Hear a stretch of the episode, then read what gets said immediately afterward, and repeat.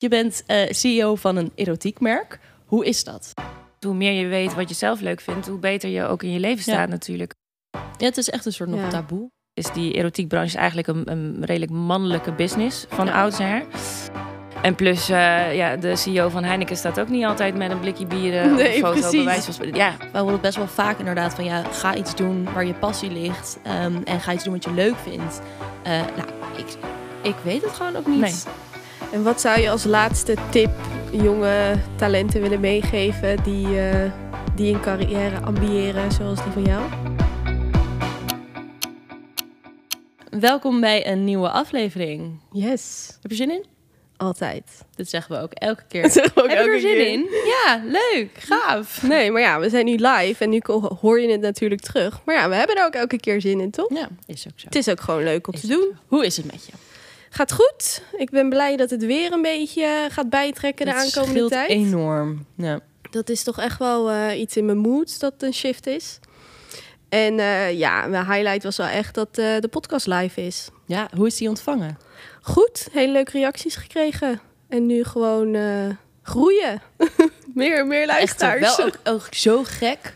Zeg maar, je leeft natuurlijk heel lang naar dat moment dan toe dat die podcast online komt. Eh, maar dat mensen dus jouw stem kunnen horen. Kijk, het is niet dat je met op foto of video ergens op staat. Maar iedereen weet wel van dit ben jij die praat, zeg maar. Ja. En we zijn ook best wel gewoon persoonlijk. Dus dat maakt het soms ook wel... Ik vond het ook wel echt spannend. Dat ik dacht, iedereen kan nu eh, horen wat Ja. ik, waar ik tegenaan loop. Of Ja, jij belde mij.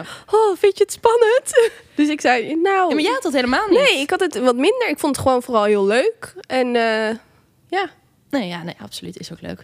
Maar goed, Dus. eh, highlight en fuck-up. Nou, de highlight is dus eh, de lancering van de podcast. Dat is heel goed gegaan.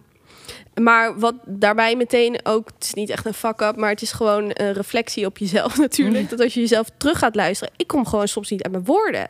Dat is echt heel gek. Soms verzin ik letters erbij, dat ik een L er opeens infiets in een woord wat daar helemaal niet thuis hoort. En dan denk ik, zou dat dan nog iets met mijn dyslexie te maken hebben? Ik weet het niet, maar soms ging dat gewoon niet zo lekker. Dat is mij dus nog niet echt opgevallen. Nou, onze productieguy zegt er net wel. Ja, dat is mij ook opgevallen. dus eh, ik heb een bevestiging gekregen. Nou, goed.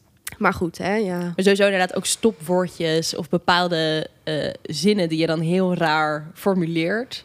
Ja, Dat ga je dan allemaal horen. Nou ja, goed. Je bent natuurlijk Ja. ook altijd kritischer op jezelf dan op inderdaad. En het hoort erbij, denk ik dan. Absoluut. Je bent toch gewoon aan het praten. En Ja. ja, Absoluut. so be it, denk ik dan. Zeker waar.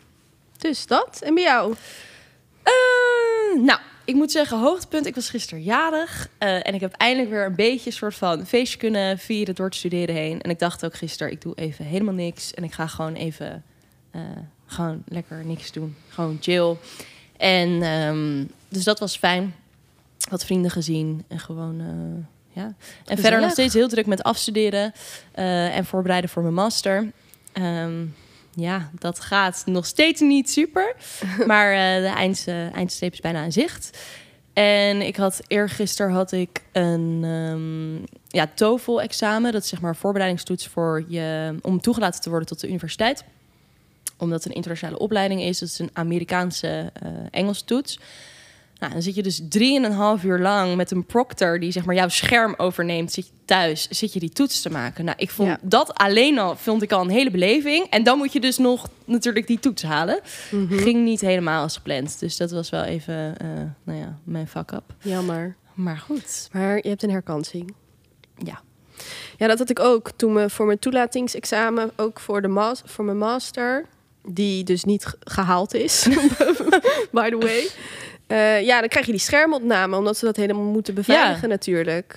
Jij vindt het best Ja. eng. Althans, een soort van het idee dat dus iemand kan letterlijk heel jouw computer overnemen. Kan jou zien.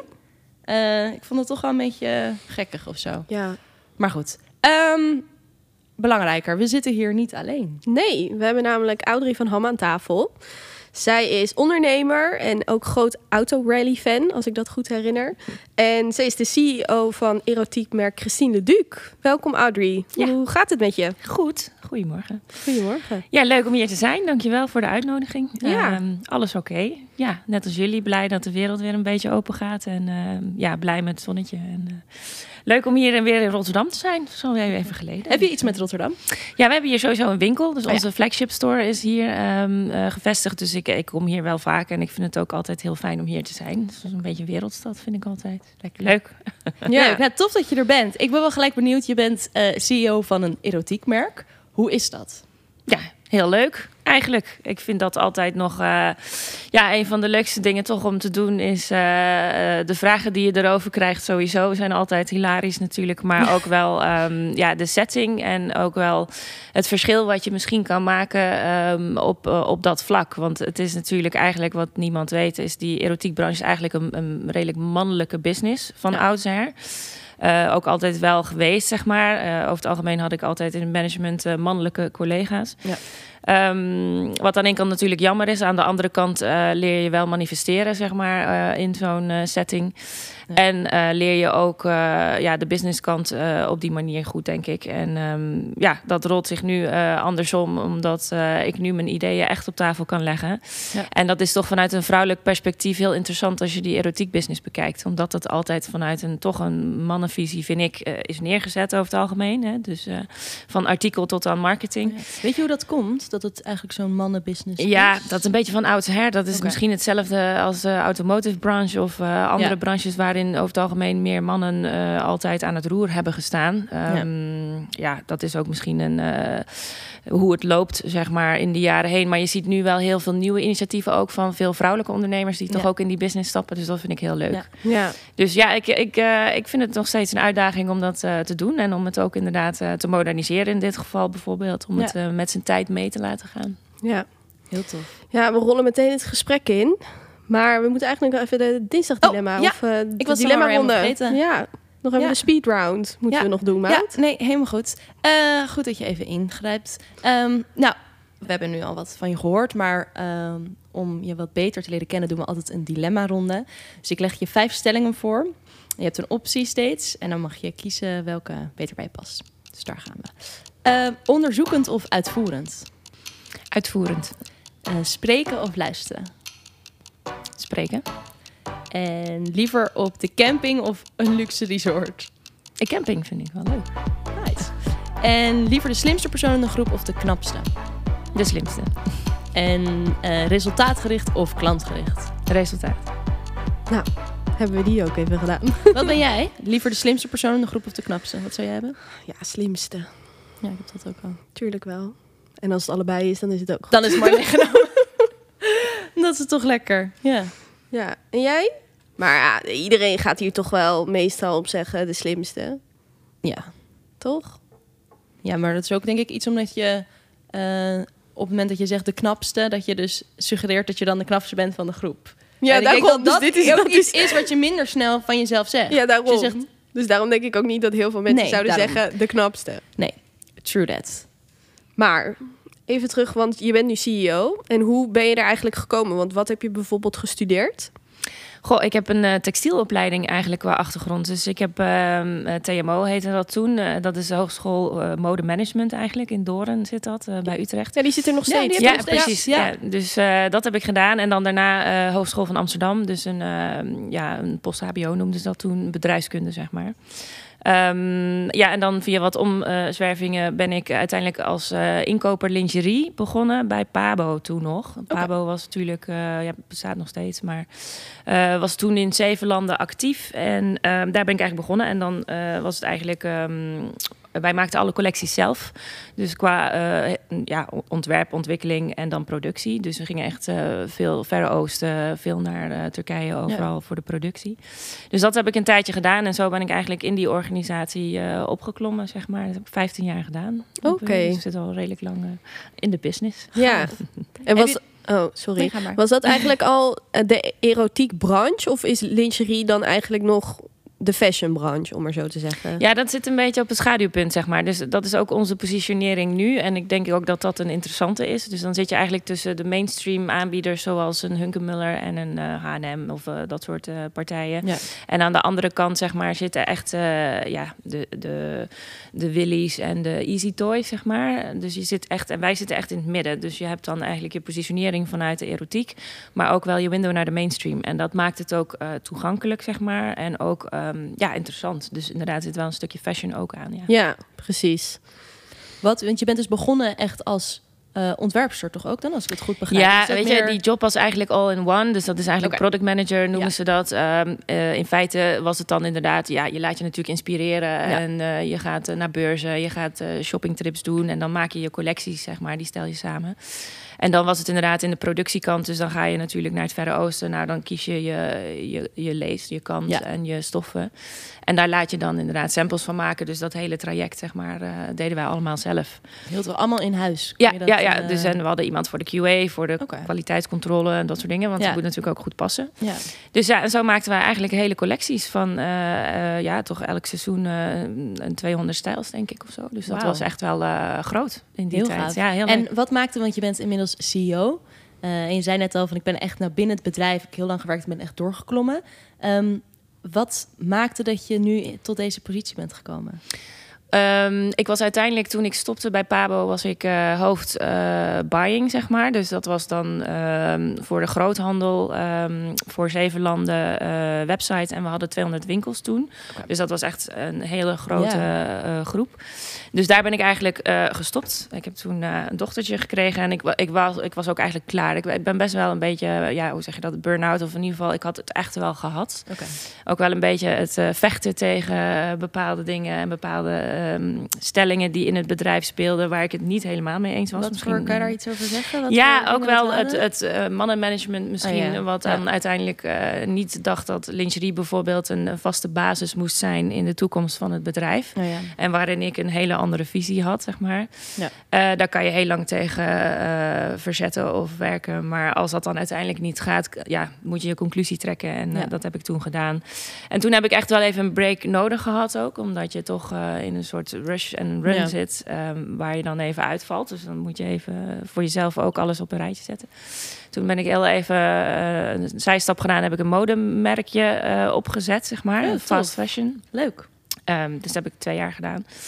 En, um, Bestaat dat nog steeds? Uh, nee, nee, daar ben ik toen uiteindelijk mee gestopt. Want toen kwam, uh, kwamen ze zo van... ja, wil je Christine Leduc niet overnemen? Oh, ja. Dus dat heb ik toen gedaan samen met mijn partner omdat we toch zoiets hadden, ja, het is eigenlijk wel een pareltje uh, qua merk. En ja, we wilden het eigenlijk toch niet laten gaan. Ook al waren we uit de business gestapt. Was nou Christine Leduc viel al onder... Uh... Was vroeger een onderdeel van Pabo, zeg maar. ja. Alleen dat is uh, een beetje verwaarloosd geweest. En dat, dat hing er een beetje bij, bij wijze van Ja. spreken. Dus het had geen focus. En het had ook, uh, ja, die merkwaarden waren helemaal weg. Het was eigenlijk gewoon zoals de rest. Ja, hoe kwam? Want ik kan me inderdaad nog wel herinneren dat er op een gegeven moment inderdaad heel veel.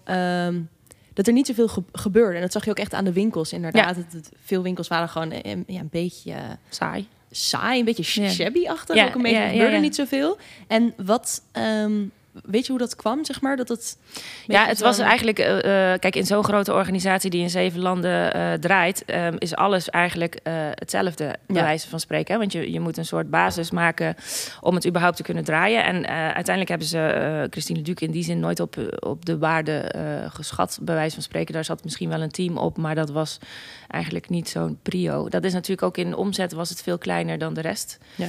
Dus het had ja, destijds misschien niet zoveel meerwaarde. Maar het is natuurlijk als je dat er dan uithaalt en je gaat dat op zich weer terug bekijken, ja, dan is het natuurlijk echt goud waard. Want het Ja. merk was uh, toch en nog steeds is heel bekend. Dus daar Ja. moet je natuurlijk wel van hebben en meedoen. Ja, ja dat natuurlijk Ja, iedereen kent het merk wel, inderdaad. Ja. Het heeft echt grote naamsbekendheid. Ja, Ja. absoluut. Maar onder jouw leiding heeft het wel een, een nieuwe koers ingeslagen, om maar zo te zeggen. Ja. Waarom denk je dat dat eh, nodig was? Omdat het dus de, het oude beeld ervan niet helemaal klopte meer?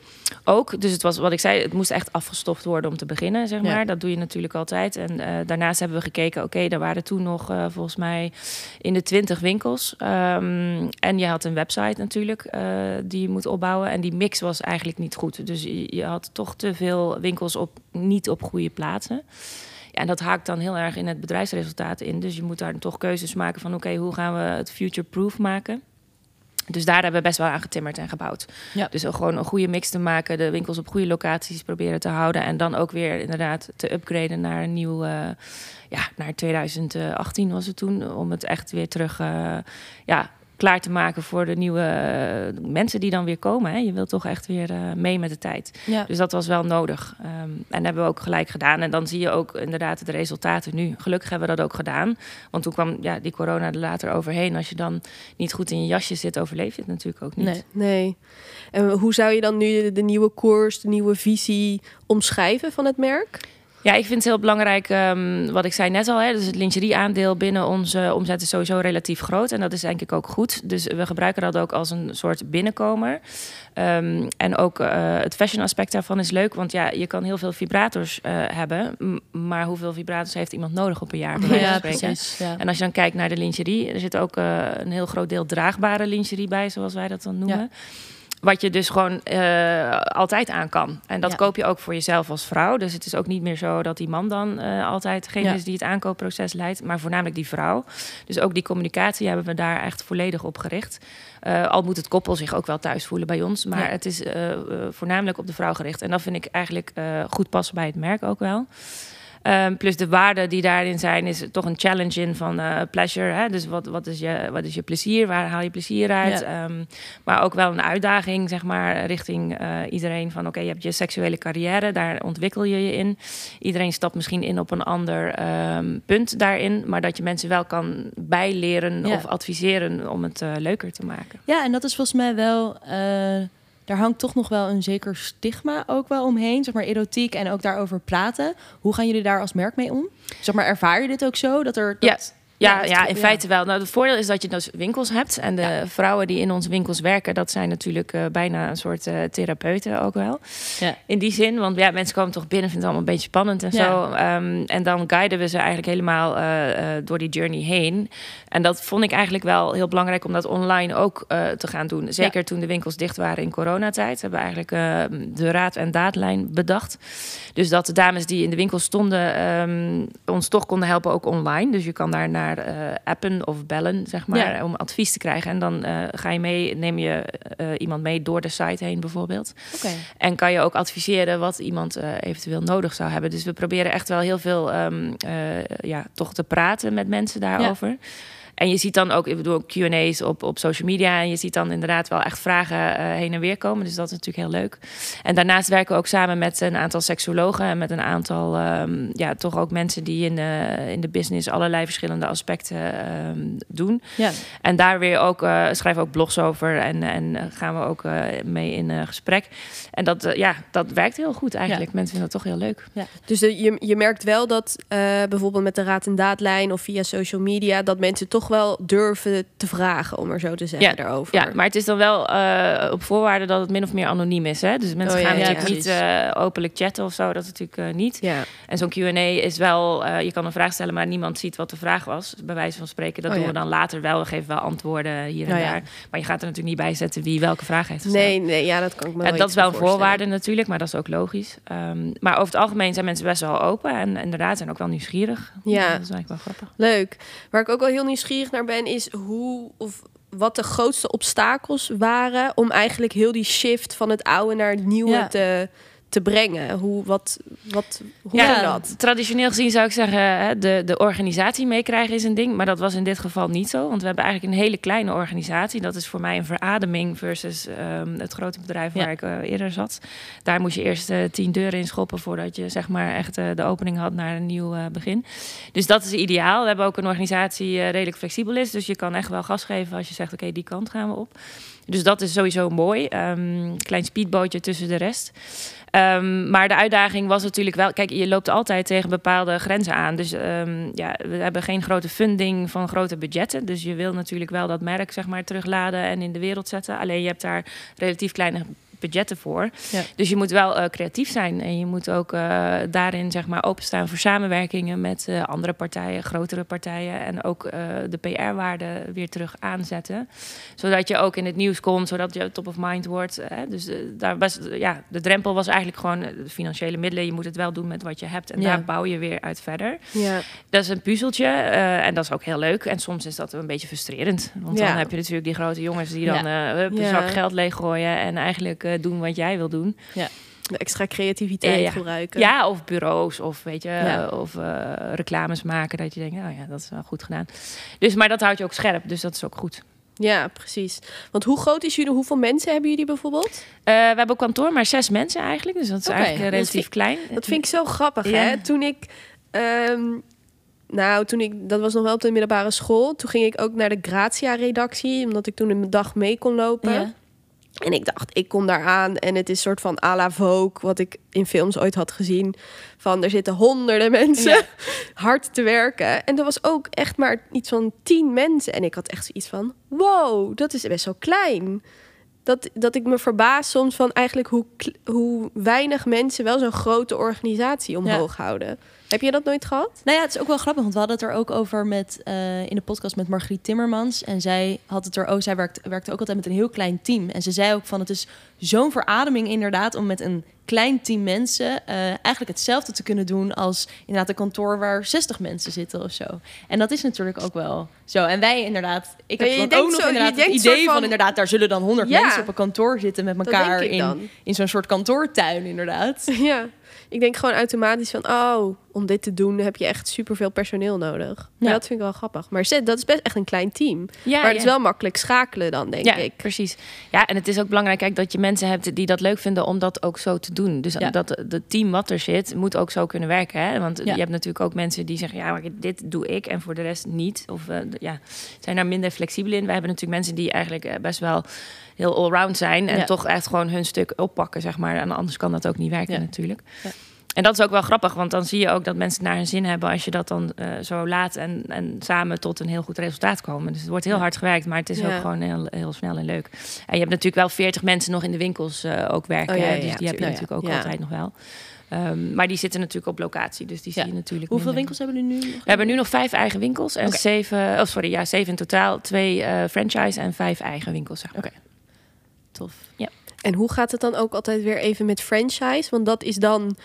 Ja, die hebben zeg maar Christine Duc boven de deur staan eh, Mhm. qua eh, logo en naam. Ehm, alleen, ja goed, die zijn gewoon meegekomen uit eh, de overname. We hebben daar niet echt een hele grote setup mee of een grote plannen mee naar de toekomst. Dus ze hebben wel onze naam op de deur staan, bij wijze van spreken. Maar voor de rest zijn ze zelfstandig. Dus dat is niet Ja, echt... dus stel nou dat als jullie dan een, nieuw, een nieuwe campagne maken of een nieuwe collectie... Mogen zij dan zeg maar zelf bepalen wat zij daar dan mee doen? Ja, Of- precies. Dus geen ja. hard franchise. Hè? Dus als je hard franchise hebt, dan wordt alles eh, bepaald. Zoals eh, McDonald's bijvoorbeeld, denk ik. Eh, bij ons is het gewoon eigenlijk min of meer vrij. Dus zij nemen wel artikelen van ons op als ze dat willen. Maar ehm, voor de rest niet echt. En dat is ook niet echt wat je wil aan één kant. Aan de andere kant is het nu eenmaal Ja. zo. En het zijn ook maar twee winkels. Dus Ja. precies. Ik ben wel even benieuwd voor mijn beeldvorming. Is ehm, jullie verkopen onder de naam Christine Leduc? Of hebben jullie ook echt eigen producten? Echt Ja. Christine Leduc? Ja, dat is het eerste wat ik ongeveer gedaan heb toen we zeg maar, de boel overnamen. Is echt een eigen collectie terugbouwen. Ja. Omdat dat een van de dingen is, hè, dat zien jullie natuurlijk ook op eh, een bol.com of Amazon of whatever. Het is heel belangrijk om je eigen merk producten te hebben. Want anders dan word je helemaal eh, weggeblazen door de grote in pricing of in eh, de rest. Dus dat is het eerste wat we ongeveer hebben gedaan. Oké, Dus we hebben inderdaad een mooie collectie lingerie. Die loopt ook bij Weekamp nu. oké. tof. Wordt ook verkocht. Dus doen we ook B2B. En eh, ja, een collectie toys en dat soort dingen ook. En dat verkoopt Ethos bijvoorbeeld ook. Dus eh, we zijn daar echt wel eh, goed mee gaan bouwen. In de winkels zijn ze daar ook heel blij mee, omdat dat dan echt ja, het past bij het Ja. merk. En het is Ja. natuurlijk leuk als je dat zelf kan samenstellen ook. Oké, dat is wel even goed om te weten. En waar ik wel benieuwd naar ben, is jullie zijn Club Le Duc begonnen. En ik las inderdaad dat dat ehm, ook wel is begonnen eigenlijk om eigenlijk ook meer awareness te creëren voor sexual empowerment eigenlijk.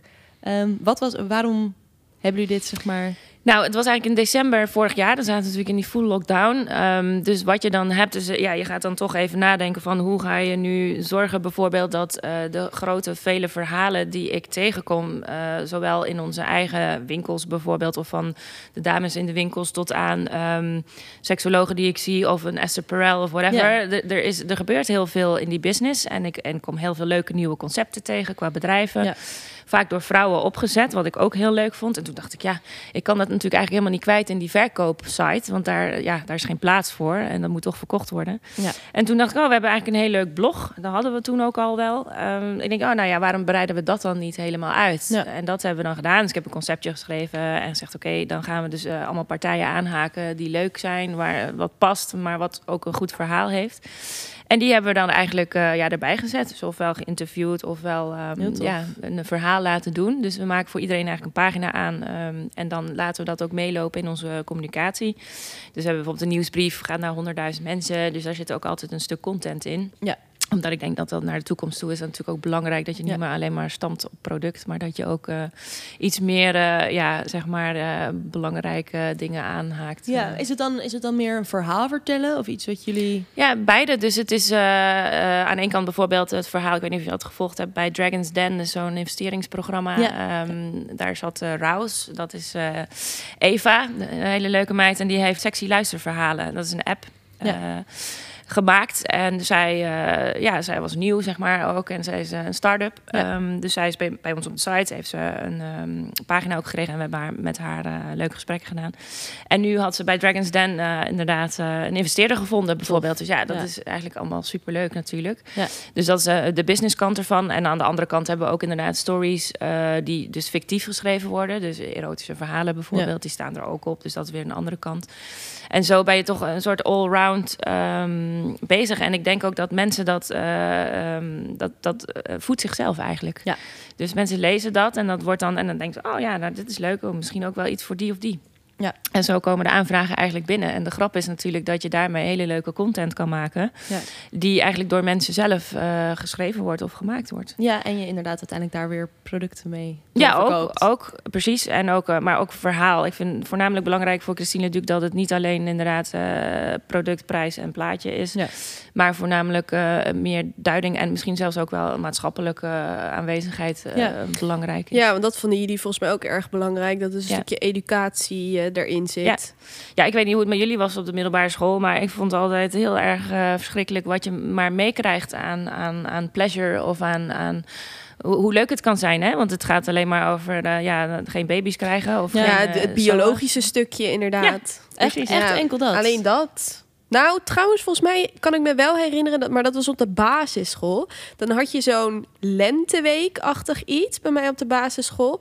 En ik kan me vaag herinneren dat dat wel soort van ook daarover ging. Maar, maar ging het dan over plezier of ging het dan over... Nee, dat ging niet over plezier, nee. nee. Want nee. toen was je echt nog heel jong. was je nee, maar dat, dat is tien echt... of zo. Ja, ja maar echt op de middelbare school ja. krijg je inderdaad gewoon echt alleen heel praktisch. Ja, in de biologie Hier heb je een condoom. Een condoom gaat zo om. Gewoon echt heel uh, praktisch. En niks over inderdaad plezier. Maar gewoon over, nou ja, dit moet je weten. En dat, dat is het dan. Ja, Terwijl dat inderdaad, het gaat zoveel verder dan dat inderdaad. Absoluut. Ja, we hebben het er natuurlijk ook een beetje al... We hebben Milou Delen ook te gast gehad. En uh, zij doet daar natuurlijk ook heel veel over, over seksualiteit. Dus daar gaat ook haar nieuwe boek over. En, uh, maar ik denk dat het sowieso een, een, iets is dat, waar we niet over praten.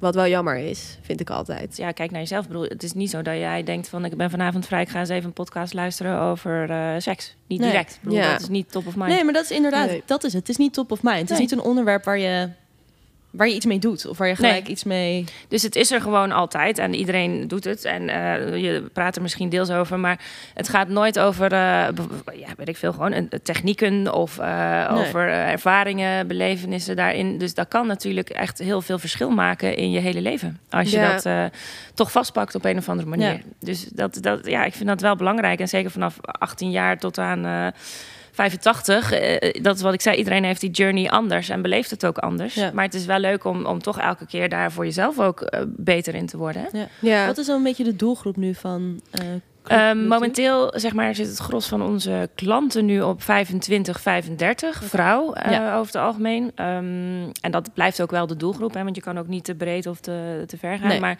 het is natuurlijk zo dat je probeert in je communicatie zoveel mogelijk neer te zetten wat iedereen aanspreekt, zeg maar. Dus je moet daar wel over nadenken, zeker met de diversiteit ja. van tegenwoordig die je dus wel mee moet nemen. Dus we aimen wel, ja, je gaat toch 50, 60-jarige mensen zijn tegenwoordig ook anders in hun mindset dan uh, zeg maar 20 jaar geleden, denk ik. En de jongere groep, en dat is natuurlijk wel een uitdaging. Dus daar hebben we natuurlijk al vaker ook over gesproken van hoe bereik je die dan? Want het is natuurlijk heel versnipperd. Zo 18 ja. tot 25. Vroeger deed je een tv-commercial, uh, bam, op uh, Nederland 1. Ja. Uh, S'avonds laat, want overdag mag ja, ja, ja, Maar dan, dan bereik je gewoon een heel groot publiek. En dat is nu niet meer zo. Nee. Dus iedereen zit toch een beetje versnipperd overal. En dat is best wel een zoektocht van, ja, waar zitten jullie allemaal? Ja. en wat willen jullie graag horen? Dat is natuurlijk wel een ding. ja. ja. Waar ik ook even net aan nog aan moest denken. Ik had laatst een documentaire gezien van uh, Sunny Bergman, de Sunny Side of Sex. Mm -hmm. Ken je dat? Nee, ik heb hem nog niet gezien. Het is heel interessant, want we in Nederland denken we dat we dus best wel progressief zijn op heel veel vlakken mm -hmm. en ook op seksualiteit.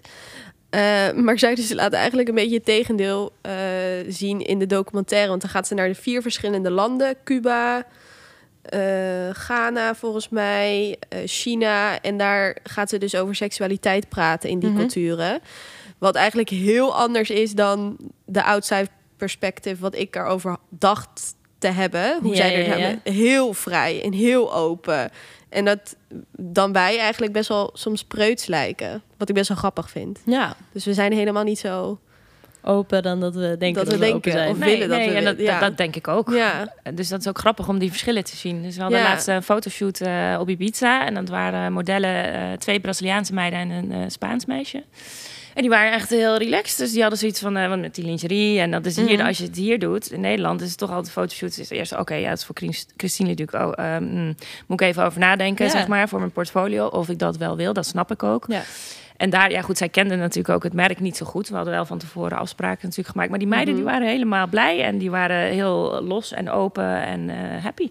ja. En dat is ook wel een fijne, ehm, hoe zeg je dat? dat? Dat trekt ook aan. Dat is leuk. Dat bruist. Dat, dat swingt, zeg maar. En dat mis je in Nederland af en toe natuurlijk wel Ja. een keer. En het is altijd of heel serieus en het moet allemaal in een bepaald hokje zitten. Ja. Terwijl ik denk, die vrijheid en dat losse is juist lekker, weet je. Dat is zeker nu na corona ook wel eh, een Ja. ding dat je toch weer, ehm, dat het weer wat meer mag. En dat je ook, eh, maar ook vrij bent om je plezier te hebben. Ja. ja, en dat precies. is misschien ook wel iets wat we hier eigenlijk niet zo durven te hebben of zo. Nee, ik denk dat, daar, dat we daar nog best wel eh eh, preutsig over doen met z'n allen. Ook hè, wat Milou zei van... als ik dat wil, dan is dat oké. hè, als ik met mensen naar bed wil gaan. En dat daar dan gewoon niet zo eh, met een scheef oog naar gekeken kan worden. Ja. Ja, het is echt een soort nog Ja. taboe. Ja, Wat eigenlijk heel jammer is, want het is inderdaad... ehm, dan denk ik altijd, weet je wel, mannen en vrouwen. Vrouwen hebben... eh, er zijn wel degelijk verschillen. Ik bedoel, vrouwen hebben eh, iets wat sommige mannen dan weer niet hebben. Seksappeal. En dan denk ik, nou, embrace it, weet je wel. Ja. Dat, mag, dat mag ook. Ehm maar dan hebben mannen natuurlijk ook wel seksappeal. Dat kan ook wel. ja wel seksappeal. Maar Maar- goed, dan maar denk ik, die- je mag je vrouwelijkheid mag je, mag Ja, je mag omarmen en embracen. En ik denk inderdaad dat dat... Ik vind het mooi in ieder geval dat jullie daar ook meer... Ja, en daar probeer ik ook wel mee bezig te zijn. En dat gaat ook over plezier voor jezelf. Dus hoe meer je weet wat je zelf leuk vindt, hoe beter je ook in je leven Ja. staat natuurlijk. En hoe meer plezier je ook met anderen kan hebben. Ja. En dat is heel grappig, want we doen ook wel vaak een onderzoekje. En dan kijken we inderdaad van, nou, eh, hoe is het ermee gesteld? Dit was overigens in België. ehm, maar dan dat toch 20% van de vrouwen niet precies weet wat ze fijn vinden. Ja. Of dat dus ook niet doen. Hè? Dus eh, daar niet Ja. self-pleasure is not done. En dan denk je, ja, dat is wel een groot percentage natuurlijk. En zeker als je dat dus doortrekt zeg maar, over de leeftijdsgroepen heen, dan zie je dus echt ook inderdaad eh, eh, het jongere stuk. Als je dat niet meekrijgt, of het Nee. is eh, niet eh, bespreekbaar, of eh, het is echt een taboe onderwerp, dan word je daar ook nooit vrij in. Hè? Of Nee. dan wordt dat moeilijker. Dus dan duurt het ook langer voordat je bij wijze van spreken eh, je plezier ervaart. Dus ik denk ook dat dat een deel voor ons een maatschappelijk aanknopingspunt is, wat ik heel graag ook wil meepakken. Omdat Ja. we daar intern natuurlijk uh, in onze winkels en altijd mee bezig zijn. En dat we daar zoveel positiviteit uithalen. Want de meeste klanten lopen echt met een big smile naar buiten. En ze vinden het helemaal spannend wat ze dan allemaal uh, met die spulletjes gaan doen. En mensen worden daar ook heel blij van. Dus dat gevoel is natuurlijk top. Alleen hoe ga je dat dan vertalen bijvoorbeeld naar online? Dus je wil daar, die beleving moet daar wel in komen. en daarom zijn dit soort dingen leuk. Maar daarom zijn ook zeg maar, je filmpjes die je maakt. En het moet allemaal wel aanspreken. Ja, precies. Ook niet te saai zijn. Is het nee, moet, moet wel een beetje prikkelend. Ja. ja. Het gewoon leuk. Ja. En ook wel inderdaad de ervaringen bijvoorbeeld uh, bespreekbaar maken. En ook gewoon uh, ja, een beetje laagdrempelig. Ja, ja. precies. Wel leuk. Waar ik wel benieuwd naar ben, voordat we het gesprek starten, zeg maar met de microfoons aan. Toen vertelde je dat je soms wel eens vragen krijgt over jouw functie als CEO van een erotiek merk. En dat het wel eens inderdaad gekke vragen zijn.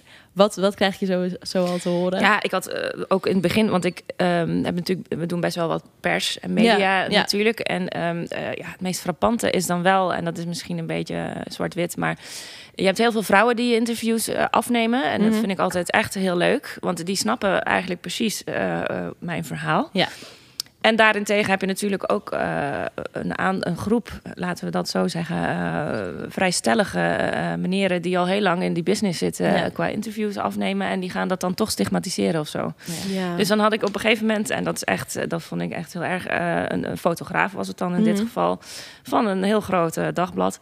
Die uh, zegt, uh, ja, als je dan die foto uh, willen we maken. Dus als je dan even bij de voordeuren wil staan... en dan misschien je knie omhoog voor je andere been wil zetten. Ik zeg, sorry. Nou ja, dat is pin-up dus girl of zo. Jeetje. Maar dat geloof je toch gewoon niet? Nee. Anno 2019 was het toen... Ik ook gewoon echt niet begrepen. Maar dat, nee. Serieus? Ja. Dus ik zeg tegen hem, ja, ja dat ga ik dus niet doen. Ik zeg, ik denk dat je... Ja, maar dat... Hoe ga je daarmee om? Wat heb je dan, wat ja, heb je tegen hem gezegd? Ik, ik ben daar redelijk straightforward in nou ja, ik denk niet helemaal dat je snapt hoe het concept in elkaar zit dan. Nee. En plus, ja, de CEO van Heineken staat ook niet altijd met een blikje bier uh, nee, op foto bewijs van. Ja, maar dat is wel wat het is. Want ook bij Laat op één was ik toen een keer op tv, een interview ook. En die ehm, redactie had ook gezegd, ja, neem je dan een paar artikelen mee. En ik had al zoiets van, uh, nee, dat doe ik dus ook nooit. Want voor je het weet sta je dus echt, uh, zeg maar, vijf minuten lang op Nederlandse televisie met een vibrator in je handen. Ja, dat wil je ook niet. Nee. Nou ja, dus is dat is ook een andere kant van het plaatje. Ja, het is natuurlijk ook gewoon een business. En het is, het is een, uh, ja, dat het niet onder, ik snap dat aan de ene kant dat het niet onderscheiden wordt, maar het is natuurlijk ook gewoon een, een keiharde business dat gewoon zakelijk uh, dat moet, ja, ja moet zijn. Is ook zo. En daarnaast vind ik het ook altijd heel belangrijk dat het dus respectvol is. Ja. in alle um, en dat er niet, ja, stukken niet zo van lacherig. Nee, precies. En dat is wel misschien iets wat ik dan nastreef of zo. Of waar ik dan altijd een beetje grumpy van word als dat dan anders gezien wordt. Maar goed, dat is nu eenmaal zo. En ja. ja ben je ook wel gewend als je al zo lang in die business meedraait. Alleen ik vind het wel leuk die kentering die je nu krijgt. Eh, waardoor je inderdaad ook mensen, net als jullie zeg maar, waar je dan over kan spreken. En dat het dan een hele andere wending heeft dan dat het vroeger had. Dus dat vind ik wel dus leuk. Je merkt daarin wel een verandering. Ja, ja zeker. Want anders hadden we dit soort dingen ook niet uh, gedaan, bij wijze van spreken. Dus je ziet wel dat het verandert. En ik denk ook ja, ik weet niet hoe jullie dat ervaren, maar dat je daarin ook uh, um, een soort nieuwe groep uh, aan je merk bindt. Waar je voorheen misschien, uh, die mensen hadden daar misschien nooit aan gedacht. Ja. Dus dat is wel, dat is wel lekker. Ja, ik, ik, ja, ik, denk wel echt dat er een nieuwe. Ehm, dat er steeds meer onder mijn vriendinnen, maar ook onder mijn, mijn leeftijdsgenoten, om maar zo te zeggen, dat er wel steeds meer een stukje verandering van mindset is. Dat heb ik op heel veel vlakken het idee, maar ook op dit uh, gebied. Dat er een soort van uh, bewustheid meer gecreëerd wordt. En dat daar meer mindful of zo mee om wordt gegaan. Heb jij dat ook? Of niet? Ja, ik vraag me af of dat echt heel erg nu een soort van nieuwe generatie is. Of dat dat ook gewoon nu onze leeftijd is, zeg maar. Dat we nu ook in een fase komen dat je daar meer bewust mee bezig bent. Of denk je dat dat echt een nou, ik denk echt dat het een, een maatschappelijke trend is die gaande is onder zeg uh, millennials, Gen Z'ers. Dus vanaf ongeveer 18 mm. tot en met ja, onze leeftijd, 25. Dat er wel echt een, een shift is. En, dat, hoop ik ook gewoon. ja, ja. Hebben ook heel dat, dat he- heel dat eh, van eh, empowerment, female empowerment, maar ook daardoor de sexual empowerment en je, eh, dat je stress wilt verminderen. Heel dat verhaal voor mij is een soort van shift van dat je beter en bewuster in je leven wilt staan Ja. en niet zomaar. Ja, meer aandacht voor, voor self-care, inderdaad. Ja, Ja, dat merk je wel. En inderdaad ook wel echt inderdaad men- mentale gezondheid Ja. wordt veel meer... en d- d- daar hoort eh, seksualiteit en seksuele pleasure hoort er natuurlijk heel erg bij. Precies. Dus, en ik denk ook eh, in de business is dat dus ook zo. Dus je ziet Ja. ook een shift nu. En dat heet dat, die, die beweging heet eigenlijk Femtech-beweging. Dus Female Oh ja. Technology. Omdat je ziet dat er nu heel veel initiatieven zijn. Dus dat is te- techniek, maar ook design. En eh, medische eh, aspecten. Die worden allemaal in het vat gegoten. En daar komen dan nieuwe ehm, toepassingen uit. Zoals bijvoorbeeld een app die eh, kijkt hoe het zeg maar staat met je maandelijkse cyclus. En Ja. ook zeg maar de seksualiteit die daar dan bij hoort. Of Ja. bepaalde producten die daar dan bij horen. Dus dat, zijn, dat is een hele beweging. In Amerika is dat al een tijd aan de gang. En dat volg ik ook wel nauwlettend. En dat komt eigenlijk ook naar Europa toe. En dat is heel leuk. Want ehm, dat is ook weer zo dat er natuurlijk heel vaak in onze business producten ontwikkeld werden door mannen. Ja. Maar ze zijn eigenlijk voor vrouwen, zeg maar. Ja, dus dat is wel leuk dat die kentering ook weer komt. Ja. En ik denk ook dat dat dan eh, goed zal aanslaan bij een, een jongere groep ook. Ja, precies. Ja, en waar zou je nou zeggen dat je nu het meest trots op bent van wat je de afgelopen jaren hebt gedaan? Ja, toch wel op het concept wat er nu staat. En zeker met de komende campagne, die ik al even kort aan jou eh, heb eh, laten zien. Ja, ik denk eh, de, de, de weg die we ingeslagen zijn, dat die goed is. Dat merk ik ook aan alles. Ehm, ik merk ook dat er ehm, bepaalde grote andere lingeriemerken toch wel eens een kopietje van ons al in de winkel hebben hangen. Dat ik denk, oh, Hmm. dat heb ik al vaker gezien. Dus dat wil ook, ja goed, dus aan één kant heel vervelend. Aan de andere kant is dat ook een bevestiging, zeg Ja, maar, dat we de goede op, kant op goed bezig zijn. Ja. Ehm, nee, dus ik ben heel blij op, eh, het, eh, met het concept wat er staat en de kanten die we opgaan en de verjongingsslag die we kunnen maken. Plus daarnaast dat het eh, hip en happening wordt eh, weer terug, wat het vroeger eigenlijk ook altijd was. En ik denk echt wel dat we dat op drie jaar tijd eigenlijk heel goed eh, hebben neergezet. En ik ben heel benieuwd wat dat in de toekomst eh, gaat doen. Ja, leuk. Wat zijn bepaalde eigenschappen eh, van jou bijvoorbeeld die, denk je, echt wel eh, hebben bijgedragen aan het succes? Oeh, dat is een mooie vraag. Ehm, ja, ik ben, eh, want het was net bij de stellingen van bij een spreker of een luisteraar. Nou, in feite ben ik dat eigenlijk wel allebei, denk ik. Dus ik ben eigenlijk best wel een beetje een denker, maar ook een doener. Ehm, en dat is dus, eh, dan is het dus op zich relatief makkelijk. Want ik heb eh, best wel een eh, straight line over hoe ik denk dat, dat het moet met Christine Duc. En ehm, daarnaast heb ik inderdaad die hands-on team, wat dat dan ook eh, kan omzetten. Dus dan ben je op zich al redelijk slagvaardig eh, en snel in je omzetting. Ja. Dus ik denk dat dat ons ook geholpen heeft om relatief snel te komen waar we nu al zijn qua level. Ehm, dus ja, ik denk wel dat dat eh, heeft bijgedragen en ook wel het door, doorzetten. En als je denkt dat je op de goede weg zit, dat je dat dus ook gewoon doortrekt. Ja. Want er staan een heleboel stuurlui echt heel hard aan wal te schreeuwen vaak. En dan denk ik, ja, weet je, ehm, wij weten het zelf toch het beste, denk ik. En dat moet je natuurlijk gewoon eh, dan doorzetten. Ja. En dat hebben we ook gedaan. Dus dat is eigenlijk gewoon heel leuk. Waar ik ook nog wel nieuws- nieuwsgierig naar ben, is dat welke, eh, hè, als je nu een jonge dame bent die dit aan het luisteren is, van welke je talenten en of eigenschappen je nou nodig hebt om eigenlijk een bedrijf zoals Christine de Duc te leiden. Ja, ik denk dat het belangrijk is dat je goed eh, eh, naar jezelf kijkt, zeg maar. Dat je in ieder geval eerst weet voor jezelf wat je, waar je goed in bent. Ik denk, ehm, ik, eh, ik vind het toch heel belangrijk dat je dingen doet met passie en met je hart. En ik denk ook niet dat je heel goed kan zijn in iets waar je eigenlijk wat niet bij je past. Ja. En daar hebben we het eigenlijk nooit over, want iedereen is altijd goed in alles en heel Ja. veel. Maar ik denk dat dat wel is. Ik heb me de laatste jaren wel gerealiseerd waar ik echt blij van word om te doen. En dat, eh, denk Ja. ik, zie je ook terug in, in wat je dan doet. Ja. Dus ik denk dat is ook wel een uitdaging. Dus zoek eerst uit waar je goed in bent, wat je leuk vindt en ook waar je, eh, waar je met passie in kan zitten. Eh, dus dat vind ik heel belangrijk. En daarnaast is natuurlijk eh, toch wel het doorpakken vind ik ook heel belangrijk. En dat is misschien een, een klein woord, maar dat is wel. Het, het lukt vaak misschien niet van de eerste keer. Of het is misschien soms veel tegelijk. Maar ik denk toch eh, die drive en ehm, zeg maar de, de, ja, het doordoen, dat dat ook altijd belangrijk is. Omdat het, ik vind dat je het beter fout kan doen dan niet geprobeerd te hebben. Dus je Ja. moet echt wel tijd nemen voor jezelf en jezelf ook gunnen om fouten te maken. En niet eh, dan maar aan de kant te stappen en zeggen, ja, ik kan het niet. Ja. Eh, en dat gaan mensen om je heen ook zien, waardoor je natuurlijk eerder gelift wordt ehm, en ook wel eh, gehoord wordt, denk ik. Ja. Ehm, en ook inderdaad, laat jezelf ook horen. Hè? Dus eh, het is natuurlijk niet zo dat als je nog maar net begint in je carrière, dat daar dus geen goede ideeën bij zitten. Of dat je niet tegen de gevestigde orde iets kan zeggen. Ja. En dat heb ik wel ervaren, zeg maar, ook in die grote bedrijven. Ehm, het kost vaak heel veel overtuigingskracht om iets neer te zetten. Maar wijk daar niet vanaf als je denkt dat het een goed idee is. Ja. Ehm, en onderbouw het dan ook voor jezelf. Dus dat is denk ik een, een, ja, een goede is toch wel wat voorwerk te doen, zodat je goed weet waar je het over hebt. Maar als je helemaal die eh, slag te pakken hebt en je zit op de goede weg, dat je dat dan ook gewoon eh, echt wel eh, gewoon doorzet.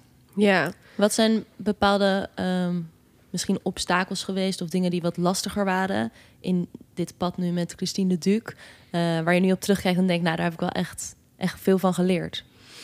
Ehm, ja, wat ik zei, ik, ik was natuurlijk inderdaad, ik ben best wel een doener. Dus op een gegeven moment in je carrière kom je op een punt dat er dus ehm, wat je ook doet of wat je ook probeert, het gewoon linksom of rechtsom niet gaat werken. En het besef, zeg maar, ehm, dat dat dus zo is, is soms heel moeilijk. Hè? Dus je gaat toch door omdat je in een bepaalde cadans zit. Ja. Eh, maar dat is een eindigend pad. En ik heb dan ook wel geleerd dat het beter is om dan eh, wel te stoppen als het echt niet meer gaat. Ja. En eh, dat je toch even stopt en rond je heen kijkt en echt goed nadenkt over van wat is de next step.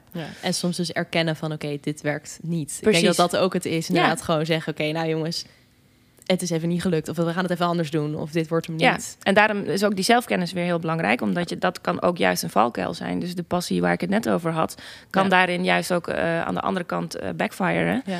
Omdat je dan misschien te lang doorgaat in iets waar andere mensen Ja. zeggen, nou ja, dat is niet de moeite. Ja, maar het is ook altijd, ik vind het ook altijd lastig. Dat horen het best wel vaak inderdaad van ja, ga iets doen waar je passie ligt. ehm, en ga iets doen wat je leuk vindt. Eh, nou, ik, ik weet het gewoon ook niet. Nee. Ik ben nu 24. Ja, wat, wat, waar ben ik nou echt goed en wat vind ik nou echt leuk? Het is soms best wel lastig ook om nou echt te weten van hier krijg ik energie van. Of dit, weet je, hoe ontdek je dat? Inderdaad, nou ja. Ja, er zijn op zich wel, want ik heb ook een aantal van die managementtrainingen gedaan. En je hebt wel boeken ook die dus over talentmanagement gaan. En waar je dus eigenlijk een soort test eh, kan doen. Waar eigenschappen van jou naar boven komen. Waar je dus, eh, en later eh, dan denk je na en denk je, oh ja, ja, maar dat wist ik eigenlijk wel, want dat past wel bij mij. Ja. Ehm, Ja. Dus bij mij bijvoorbeeld kwam eruit, eh ehm, ja, ik weet niet meer hoe dat heet, een, een motivator of een, ehm, hoe zeg je dat, een animator was ik. En toen dacht ik, oh, de, toen ik in de pers zeg maar die, eh, die sessies had, toen Ja. dacht ik, oh ja, dat vind ik eigenlijk heel leuk. Of dit soort dingen, of op een podium of een presentatie geven. En toen dacht ik, ja, als ik dat nou eerder Ja. geweten had, had ik daar misschien meer mee gedaan. Ja. Dus er zijn wel tests te doen, zeg maar, die, eh, waar je talenten uitkomen. Zijn zie je toch? Ga- ik wou net zeggen, je gaat toch wel naar 1, 2, 3 test.nl, Wout. Nee, maar dat is toch leuk als je Ja. weet, eh, hoe eerder je weet waar je talent ligt. Ja. Ja. Nee, Nou het is wel grappig. Anna is dus helemaal fan van Ik ben heel erg fan van zelfkennis, eh, zelfkennis opdoen. En ik denk dat je er gewoon inderdaad heel veel van leert. Dus ik ben inderdaad heel erg fan van die testen die je online kan doen. Of, nou ja, ik heb ook al een paar trainingen gevolgd. En je leert jezelf echt wel steeds beter kennen. En ik denk dat als je echt het gaat doen, dat je dan vanzelf steeds meer ontdekt wat je dan echt leuk vindt. Ja. En ik denk ook dat dat steeds verandert. Hè? Ik denk ook dat, wat denk ik nog heel veel jongeren denken van... oké, als ik communicatie ga studeren... dan heb ik forever een baan in de communicatie. Of als ik bedrijfskunde ga studeren... dan ben ik straks manager en dat ben ik dan voor de rest van mijn leven. Ja. Maar dat is natuurlijk niet zo. Ik bedoel, mijn vader heeft eh, advocatuur gedaan... en doet nu iets in de, in de, bij de gemeente... wat daar echt helemaal niks mee te maken heeft. Ja. Dat eh, ik bedoel ook Stella van hè, de founder van Your Future, die is de hotelmanager hospitality. Die met Your Future doet ze ook in principe nu wat anders. Ja. Dus ik denk dat je steeds andere visies en passies krijgt gaandeweg. Ja, ja, ja abs- absoluut. Ja. En inderdaad, je leert door dingen te doen. Ja. En dat hoeft niet altijd binnen je straatje te passen. En soms moet je inderdaad, denk ik, even iets anders doen. ja. Waar zie je Christine Leduc over, laten we zeggen, vijf jaar? Ja, wat, zijn je, wat is je Ehm, droom ervoor? Ik zou graag eh, die expansie toch wel zien. Dus eh, België als eerste erbij. Ehm, Het is een klein land, maar heel moeilijk. Eh, toch te, binnen te komen. Zeg Wat, maar. wat maakt het lastig? Ja, het is toch een heel ander eh, publiek, een ander bestedingspatroon en een andere eh, manier van communiceren. Ja. Het is dezelfde taal, maar het is echt Nee, ja, ik anders. weet het. Ik heb er gewoond en ik vond het ook. Ik liep er zo tegenaan. Ze spreken echt. Je kan het verstaan, maar het is een hele andere taal. Ja, dat. Het is echt- En ook de mentaliteit en de, de manier waarop mensen met elkaar omgaan. En Ja. zeker in erotiek is dat echt wel een ding. Ja. Heb ik al. Maar ik heb wel gemerkt. Verbaast me eigenlijk niks als je dat dan zo zegt. Nee, maar ik heb wel gemerkt dat ik vind ehm eh, Belgen wel.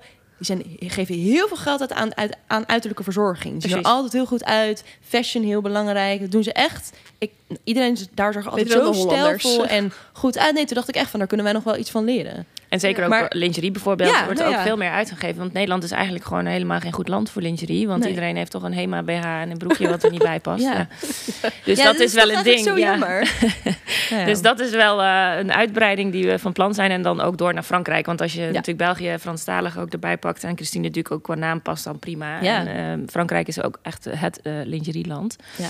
Ehm, dus dat zou wel eh, een mooie stap zijn. Ook de schaalvergroting daarin. Zodat je ook weer je inkoop en je eigen collecties weer terug eh, wat groter kan bouwen.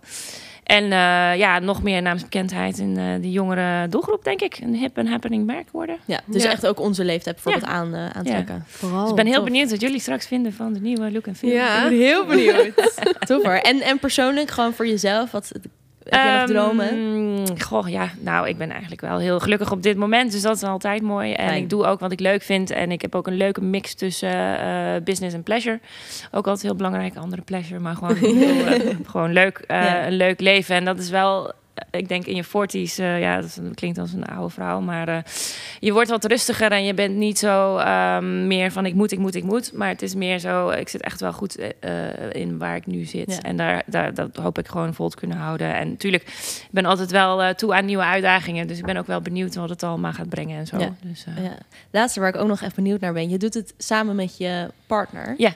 Hoe, hoe is dat? Want je werkt dus... Ja, ja, wij werken samen. Samen? Ja, klopt. Nou, dat eh, is soms een uitdaging. Het is wel zo dat eh, als wij eh, beginnen te koken s'avonds, gaat het eruit. Dus dan mogen we niks meer tegen elkaar zeggen Dat over de business. ja, Oh, ja, nee, maar anders gaat dat niet goed. Anders gaat het Of door. s ochtends Ja. bij tandenpoetsen ook niet. Dus als we Ja. allebei in de auto zitten, pas dan begint Dan het. begint het. Ja. Ja. ja, want anders gaat dat mis. Nee, ja. dan zit één, en je mag wel s'avonds werken, daar gaat het niet over. Maar Ja. niet eh, discussiëren over moeilijke dingen. Dus dat doen we niet. En we zijn elkaar ook wel, we vullen elkaar goed aan. Dus hij is echt meer stelselmatig en eh, een beetje meer de, eh, ja, de back-office kant, maar ook wel de IT-kant en de logistieke Ja. kant. Maar ook wel ook weer commercieel, zeg maar, input aan het geven naar mij toe. Ja. Dus ehm, ja, wij vullen elkaar wel aan eh, daarin. Dus dat werkt eigenlijk top. Ja. Hoe, hoe vindt hij dat? Want jij staat veel meer op de voorgrond. Ja. Hij dus wat meer op de achtergrond. Hoe vindt hij dat? Ja, hij zegt soms wel keer, ja, het is toch niet zo dat jij alles doet? Nee, maar jij bent echt nu het gezicht ook Ja, wel precies. van, van het merk. Ja, ja maar daar hebben we ook echt wel voor gekozen. Dus eh, zeg maar de dag dat het persbericht eruit ging dat wij het eh, overgenomen hadden, dan stond er eigenlijk in het koppel eh Aaron en Adrian. Ja. En de dag daarvoor had hij in één keer zoiets oh, dat wil ik helemaal niet. Dat ga ik niet doen hoor, dat wil ik niet. En toen had ik zoiets oké, ja, maar dan zal ik het doen. Ja. Wat uiteindelijk ook goed uitpakte, want in de pers is het toch altijd goed om één persoon te hebben in plaats van twee eh, eh, Ja. mensen. Dus uiteindelijk is dat allemaal goed eh, uitgepakt. Eh, Ja. en, hij, en ik noem hem natuurlijk af en toe wel, dus vindt hij ook wel leuk. Maar, eh, Shout-out to daar Erwin. er Ja. natuurlijk ook bij. Maar, ja. Nee, maar hij vindt het wel leuk. En het is ook leuk dat je die kans hebt om samen dat dan wel uit te bouwen. En hij zegt ook van, inderdaad, met een groep van 18 tot 25 vrouw... ehm, heb ik niet zo heel veel. Zij het niet dat hij een dochter heeft. Mhm. Amber van 21 ook. Dus die is ook een soort klankbord Oh ja, voor ons. ja. Van, ja, ja hoe, hoe, hoe werkt het allemaal? En ze vindt dat ook wel leuk om te doen. Dus, eh, en ze schrijft ook af en toe blogjes voor Tof. ons. En eh, ja, ze is daar ook echt wel mee bezig. Dus dat is heel leuk. Ja, dus dan kan je het er ook wel samen over hebben allemaal. Ja. Dus dat is eigenlijk gewoon een family ding. Wat is de gouden tip als je als partners in een bedrijf samenwerkt? Nou, ik denk wel gewoon eh, het op tijd uitzetten. Dus, en ook ieder zijn taken laten doen. En niet door elkaar heen gaan fietsen. Want we hebben natuurlijk twee kapiteins soms op één schip. Dus Ja. je moet elkaar wel de vrijheid laten om apart te werken en ook elkaar aan te vullen. Dus dat moet je af en toe even, even zoeken. Ehm, maar dat kan wel heel goed werken. En het kan ook echt heel leuk zijn. Want je bent ook vaak samen onderweg natuurlijk. Ja. Dat is ook gezellig. Ja, ook leuk. Ja. Dat kan ook, kan ook weer gewoon goed zijn voor Ja, je ja, relatie natuurlijk. In plaats van dat het altijd maar eh, Ja. een soort van dat het lastig is. Ja. En wat zou je als laatste tip jonge talenten willen meegeven die, eh, die een carrière ambiëren zoals die van jou? Zorg dat je het allemaal eh, goed eh, geregeld hebt voor jezelf. Dat je ehm, eh, zeg maar de, de ruimte hebt om het te doen wat je wil doen. Dus gun jezelf die ruimte ook. Hè? Ik zie ook best wel heel veel vrouwen die... eh, natuurlijk heb je kinderen op een gegeven moment. En je, hebt, eh, je moet overal voor zorgen en alles doen. Ik denk ook dat je dat allemaal goed moet managen. Zodat je zelf je carrière goed op eh, de rit kan zetten. Ja. Geef jezelf tijd om, om eh, dingen te ontdekken. Ook wat je niet leuk vindt. Want dat is Ja. vaak als eerste wat je tegenkomt. Dat is helemaal niet erg. En daarnaast, eh, als het ergens niet goed voelt... eh, move on. Ga verder. Blijf Ja. niet hangen in iets waar je niet blij van wordt. Ja, nou ja, de, de founder van eh Lead Your Future, Marie Claire, die eh, zei laatst ook tegen mij van dat ze het idee heeft dat jongeren vaak het idee hebben dat ze binnen vijf jaar hun carrière al op de rit helemaal eh, hebben. Ja. Eh, Ja, maar daar hebben we wel vaker over gehad. Maar ik, dat, ik heb ook wel het idee dat dat een beetje een ding is van onze generatie. We willen allemaal heel graag, willen allemaal heel graag goed doen, eh, impact maken. Dat eh, idee. ja, we zijn wel eager, ja. Ja. Over vijf jaar ben ik 30 en dan denk ik toch wel, nou, dan wil ik, dan wil ik wel die positie hebben. ja, dan wil ik dit en dan wil ik zus en dan wil ik zo inderdaad. Maar, ja, dat- maar het moet ook ja. maar net allemaal goed rollen. En je moet ook, Ja. ik denk, en dat is wel goed van, van deze generatie, denk ik, is dat dat ehm, well-being ook een belangrijk aspect is van het hele pad. Ja. En dat je dat ook niet uit het oog verliest. Want voor je het weet, ren je jezelf voorbij en dan, dan sta je daar op je punt waar je wil zijn. En dan vind je het Ja, dan ben je alsnog leuk. niet happy. Ja. Ja. dat is dus ook, dat gaat heel het punt voorbij. En ik denk dat de millennials daarin, eh, onze voorganger, zijn er volgens mij natuurlijk de burn-out generatie, dat dat, eh, Ja, dat hun de kop niet. heeft gekost. Ja. Ja. Dus ja, well-being, Mout, onthoud het. Ga ik doen. Zeker niet tijdens het afstuderen. nou, super bedankt Audrey voor het gesprek. Graag gedaan. leuk. Heel fijn dat je er was. Echt Ja. heel leuk. Leuk. Dat je eh, tijd hebt gemaakt. We houden Christine Duc zeker in de gaten. Super. Ik ben echt heel benieuwd nu. Ja, ja, ja, Nou, ja, ja, dat is ook de bedoeling. Gehyped. Mooi. Dank jullie wel. Thanks. Mout, wat vond je met het gesprek van Audrey? Ik vond het. eh, ik vind het vooral gewoon heel bijzonder hoe je van een merk wat eigenlijk, nou ja, een beetje oudbollig noem maar, eh, hoe je dat weer zo op de markt kan krijgt. brengen. Ja, Ja. dat vind ik echt knap.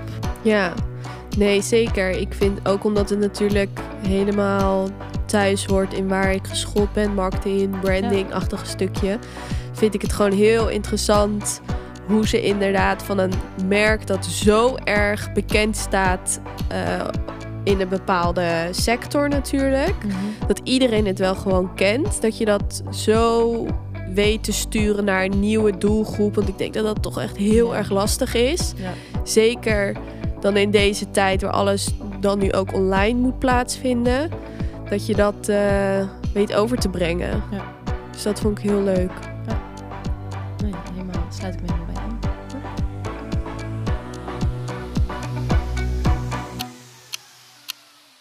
Bedankt voor het luisteren naar de Meet Your Future podcast. Wil jij nou meer weten over rolmodellen? Schrijf je dan vooral even in op ons platform leadyourfuture.nl. En we zijn natuurlijk ook te volgen op Instagram en beantwoorden daar ook al je vragen.